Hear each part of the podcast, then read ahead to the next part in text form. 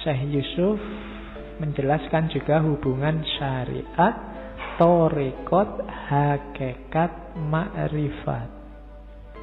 Ini mirip kayak Syekh Arsad kemarin bahwa ya tasawuf ya ndak boleh meninggalkan syariat. Tapi syariat juga harus ada torikotnya. Torikot ndak ada gunanya kalau tidak membuahkan hakikat. Dan kalau kita sudah nyampe hakikat, diridhoi oleh Allah, kita akan dapat mau hibah, dapat anugerah dari Allah namanya ma'rifat. Jadi ini empat hal yang harus ada di dunia tasawuf. Ring, ringkesnya penjelasannya syariat itu teori, torekot itu praktek, hak praktek lahir, hakikat itu batinnya dan makrifat itu buahnya. Jadi orang Islam, makanya tadi kenapa awalnya ilmu? Karena harus masuk lewat syariat. Nggak boleh ngarang sendiri. Jadi syariat itu teorinya, ilmunya. Cuma ilmu tidak ada gunanya kalau tidak dilaksanakan, tidak dipraktekkan, tidak ada amal. Amal itu namanya torikoh. Cuma torikoh juga manfaatnya tidak puncak kalau tidak batinnya ikut main. Itulah hakikat namanya. Jadi hakikat itu batinnya, torikoh itu lahirnya. Harus ada dua-duanya. Dan biar tidak keliru harus didasari oleh syariat. sholat kita yang cuma jungkir balik kayak olahraga itu berarti ya benar secara torikot tapi kehilangan hakikat. Itu yang bikin orang rajin sholat tapi korupsi ya rajin. Kamu ya sholat tahajud tapi ya sok-sok download film gituan. Lu torikotmu bener cuma nggak nemu hakikat. Kan Al-Quran bilang, barang siapa sholatnya benar, inna sholata tanha anil fasya wal mungkar. Kalau fasya wal mungkarnya masih rajin, sholatnya juga rajin, itu bukan berarti terus jangan-jangan sholatnya nggak keliru, tidak ada gunanya. Enggak, sholatnya benar, cuma tidak masuk ke ranah hakikat. Kurang tinggi levelnya, kehilangan batinnya. Padahal Allah nyuruh apa saja, itu pasti ada nilai batinnya, nilai hakikinya. Kalau hanya syariat sama torekot, ibadah itu lahirnya kayak olahraga. Yo kamu sholat malam, kamu tahajud, kamu sholat duha, kamu ini kayak olahraga cuma gerak badan, tidak ketemu rahasianya. Hakikat itu rahasianya.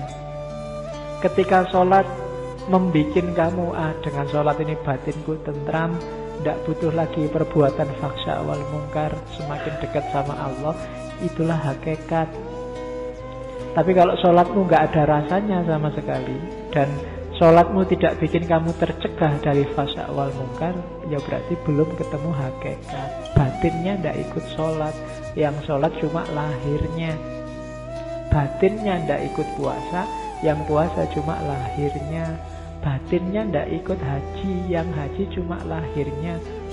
Haji bolak-balik umroh bolak-balik tetap batinnya masih tidak berubah. Haji itu kan pelajaran luar biasa untuk egalitarianisme meninggalkan dunia demi akhirat. Kalau ada orang sudah haji kok masih kedunyan bahasa Jawa ini kan kedunyan. Kedunyan itu orientasinya masih dunia yang diberati masih dunia berarti hajinya masih hanya formalitas. Nah itu berarti apa? Belum ketemu hakikat. Harus masuk ke hakikat. Kalau syariat atau rekod hakikat lengkap dan Allah meridhoi Allah akan ngasih kita akhwal namanya makrifat. Makrifat itu bahasa letternya pengetahuan. Yang oleh teman-teman dari tradisi sufis Masiah disebut irfan. Jadi Allah akan menganugerahi kita tentang wawasan kedalaman kebenaran rahasia kehidupan. Itu namanya makrifat. Musahadah, mukasyafah. Terbukalah sekarang. Oh, ternyata hidup ini kayak gini toh. Itu namanya orang makrifat. Bahasa Jawanya orang yang ngerti sadar akan sangkan paraning dumadi hidup ini dari mana dan mau ke mana. Itu levelnya makrifat namanya. Oke itu saya potong-potongkan sedikit-sedikit. Misalnya dari an-nafahat as-sailainiyah tadi. Syariat itu jalan terang jalan yang baik. Syariat itu ajaran Islam Jangan lupa syariat itu maknanya pasti jatuhnya pada etika dan moralitas akhlak. Kalau ada syariat kok jatuhnya kerusakan, pasti itu bukan pasti ada yang keliru. Kalau ada syariat jatuhnya kok kehancuran moralitas, pasti ada yang keliru. Syariat ketemunya pasti moralitas. Syariat itu bikin orang tunduk merasakan kekerdilan dirinya, kekecilan dirinya di hadapan Allah. Kalau gara-gara syariat orang merasa besar dan merasa dirinya penting, merasa dirinya benar, ya berarti dia kehilangan esensi awal syariat, rasa tunduk. Jadi orang beriman itu ketika berhadapan dengan syariat itu kan samina wa atau mulutnya, batinnya apa? Tunduk ya tunduk ya tunduk.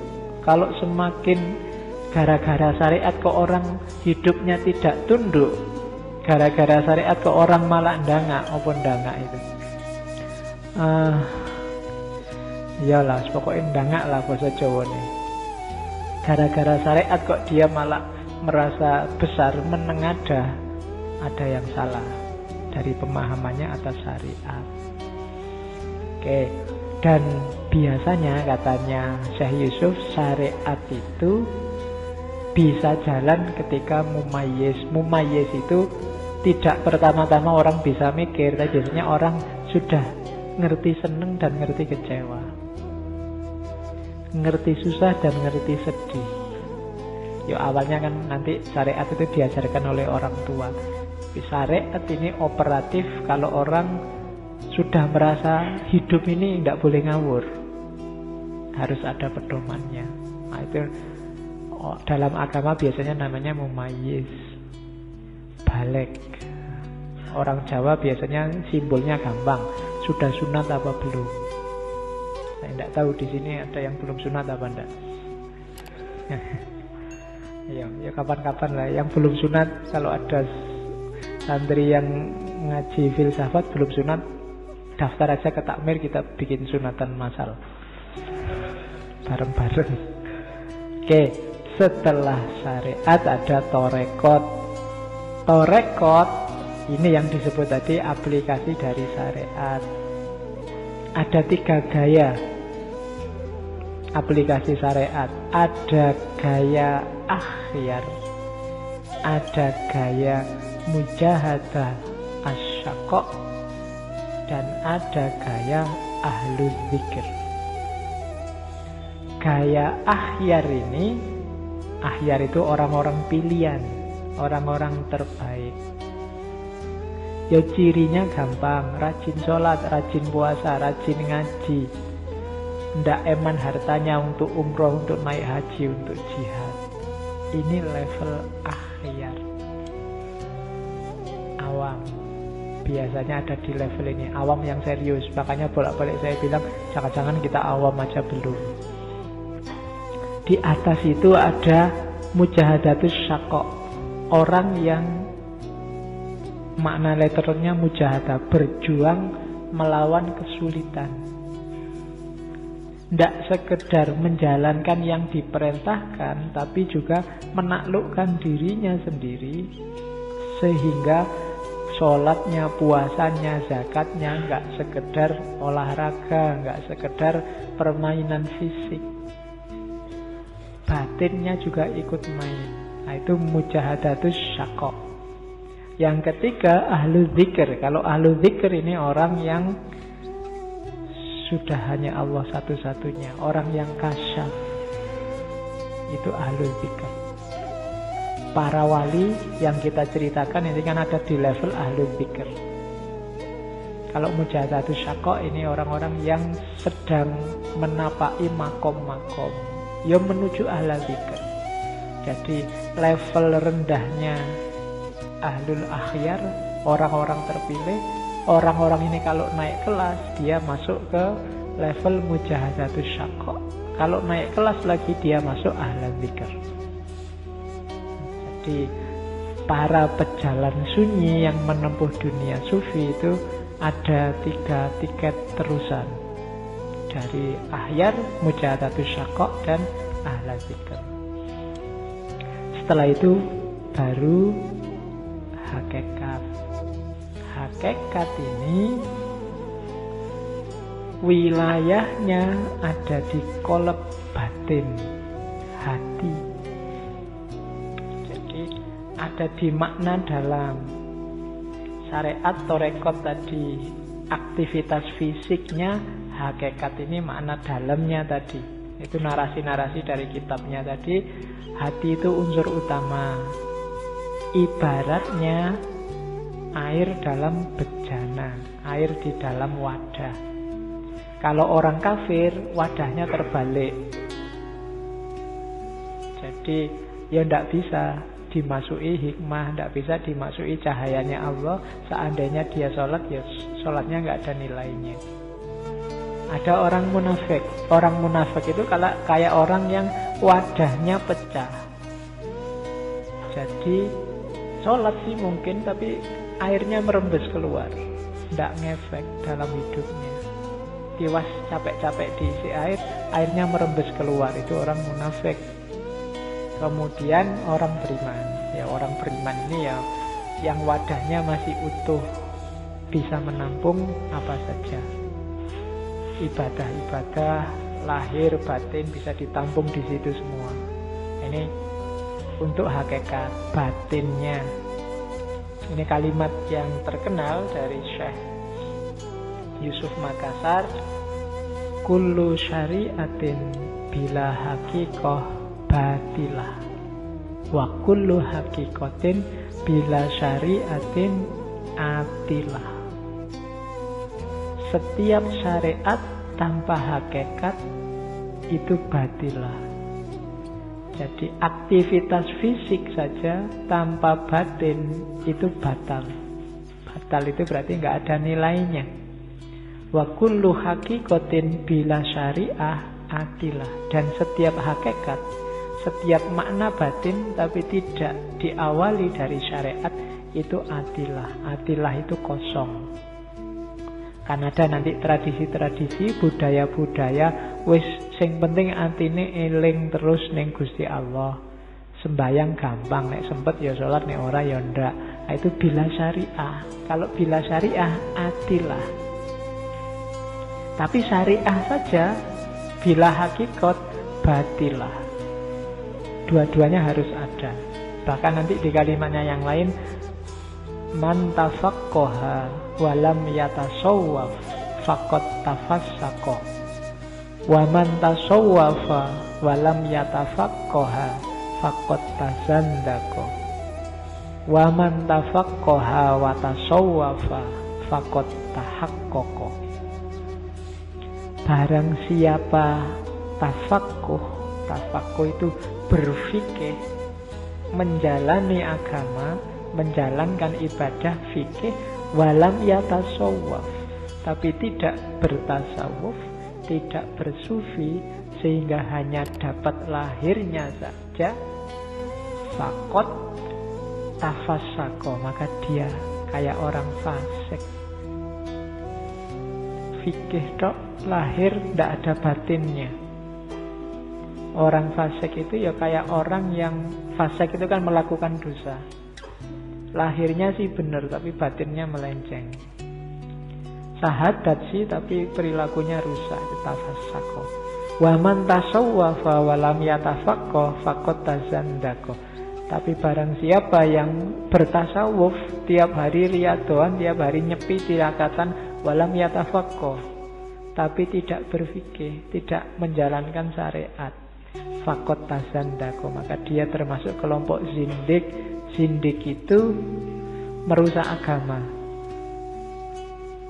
Jadi identitas keagamaanmu akan rusak, lama-lama hilang. Kalau hanya tasawuf saja tanpa fikih tanpa syariah. Wa man tafaqaha wa tasawwafa faqad tahaqqaqa. Tapi kalau imbang, ya berfikih, ya bertasawuf, maka dia tahakkuk. Itulah jalan yang benar. Jadi tidak boleh sufi aja anti fikih atau fikih saja anti sufi. Dua-duanya harus imbang.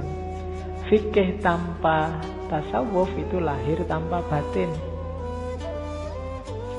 lahir tanpa batin itu fasik. Tasawuf tanpa fikih itu batin tanpa lahir, itu sindi. Dua-duanya harus ada. Baru setelah itu ada makrifat, pemberian Allah. Diberi oleh Allah anugerah namanya makrifat. Awas keliru katanya Syekh Yusuf, makrifat itu ada dua jenis.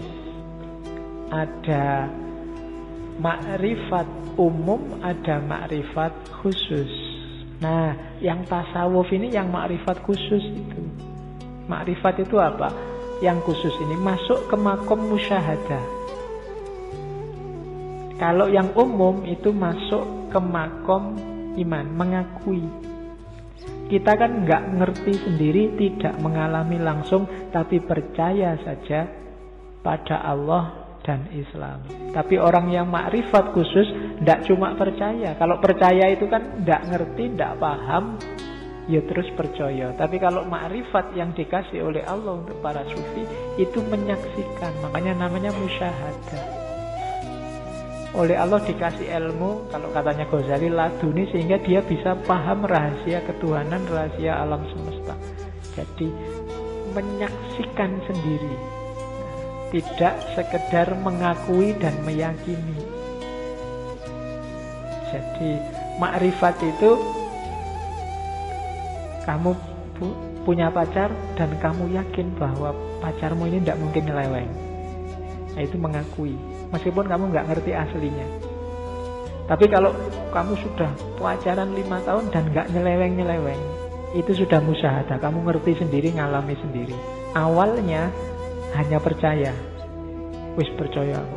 Kamu segalanya bagiku, iya aku percaya. Awal tapi.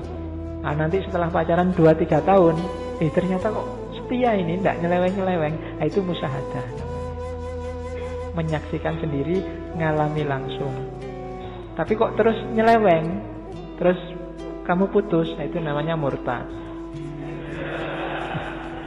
ya. Atau selingkuh, nah, itu namanya syirik kamu menyekutukan dia dengan yang lain. Nah,